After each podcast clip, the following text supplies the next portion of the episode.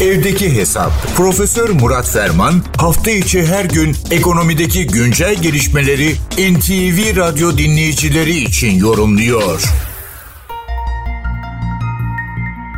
Deyim yerindeyse tüm istatistiklerin kraliçesi.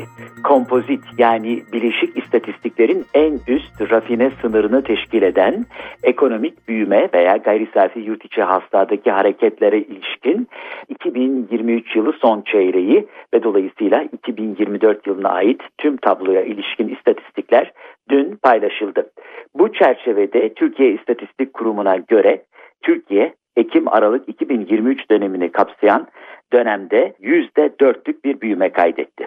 Ekonomistlerin daha evvel ortaya koydukları ortalama 3.6'lık beklentinin üzerinde bir büyüme. Türkiye 2023 yılının tamamında ise %4,5 oranında bir büyüme sağlamış oldu. Bu çerçevede ilk kez 2023 yılı itibariyle gayri safi yurt içi hasıla 1 trilyon dolarlık büyüklüğü aştı ve 1 trilyon 118 milyar 593 milyon dolara ulaştı. Hal böyle olunca kişi başına gelir ise dolar cinsinden 13.110 dolar olarak hesaplandı. Böylelikle dolar cinsi kişi başı gelirde de rekor kırılmış oldu. Hatırlanacağı üzere geçtiğimiz yılın ilk çeyreğinde %4, ikinci çeyreğinde %3.9 ve üçüncü çeyrekte %5.9'luk büyüme kaydedilmişti.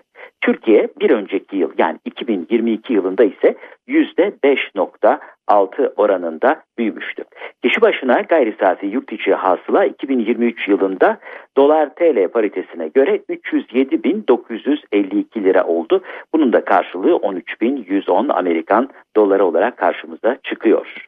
Finans ve sigorta faaliyetlerinin %4 arttığı bir dönemi geride bıraktık. Hane halkı nihai tüketim harcamaları da 2023'te %12.8 olarak arttı ve tüm gayri safi içerisinde yurt içi hasıla içerisindeki payı da %60 oldu. Yani geçtiğimiz senede büyüme formülünün terkibi değişmedi. Ana yapısında farklı bir e, yönelme olmadı. Gene hane halkı harcamalarına, tüketim harcamalarına dayalı bir büyüme karşımıza çıkmış oluyor.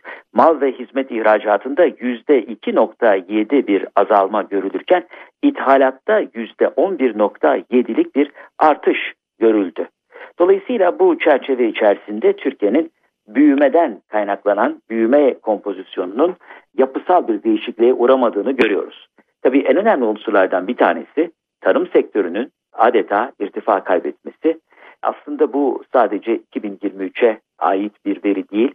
2004'ten bu yana tam 20 yıllık verilere baktığımızda tarımdaki toplam büyümenin diğer sektörlerin çok gerisinde kaldığını görüyoruz.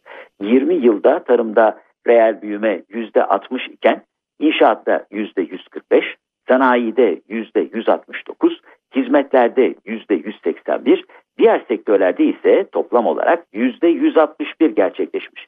Yani tarım 20 yıl boyunca bu sektörlerdeki büyümeyi adeta geriden izlemiş. Tabi hal böyle olunca bilhassa gıda enflasyonuna dayalı ölçüm ve e, risklerin analiz edilmesi de veya kontrol altına alınması da adeta imkansız hale geliyor.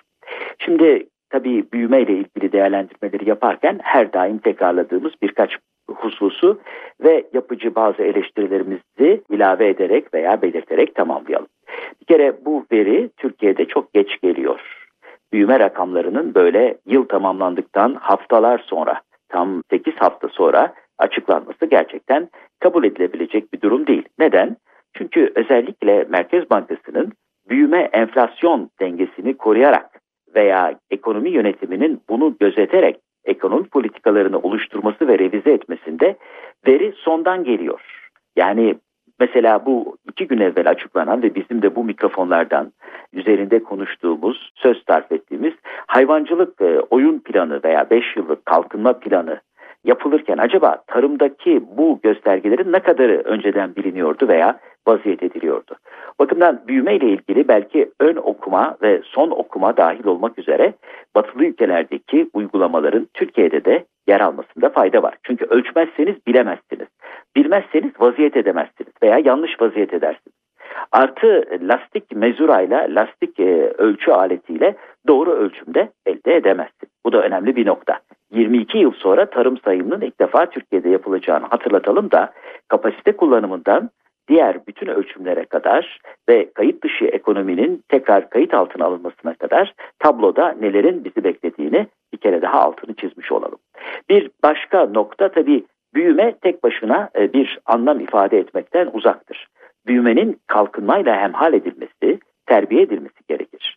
Büyüme eğer yaşam kalitesine tercüme edilemezse, onunla örtüştürülüp öpüştürülemezse sadece bir koflaşma, irileşme olarak kalır. O bakımdan biz büyümeden ziyade kalkınmaya ve irileşmeden ziyade refah artışına ve yaşam kalitesindeki gerçekçi kazanımlara bakmak zorundayız. Bir başka ve belki son nokta şu, tabii gayri safi yurt içi hasıla bir ülkede üretilen tüm ve mal, mal ve hizmetlerin toplamıdır.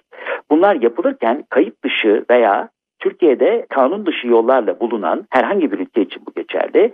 Nüfus da elbette bu katma değer üretiminde rol almaktadır.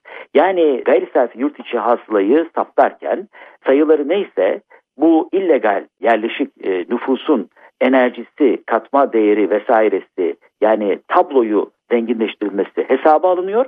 Ama kişi başına bölünürken bunlar tabii kayıtlı nüfus üzerinden sadece hesaplanıyor.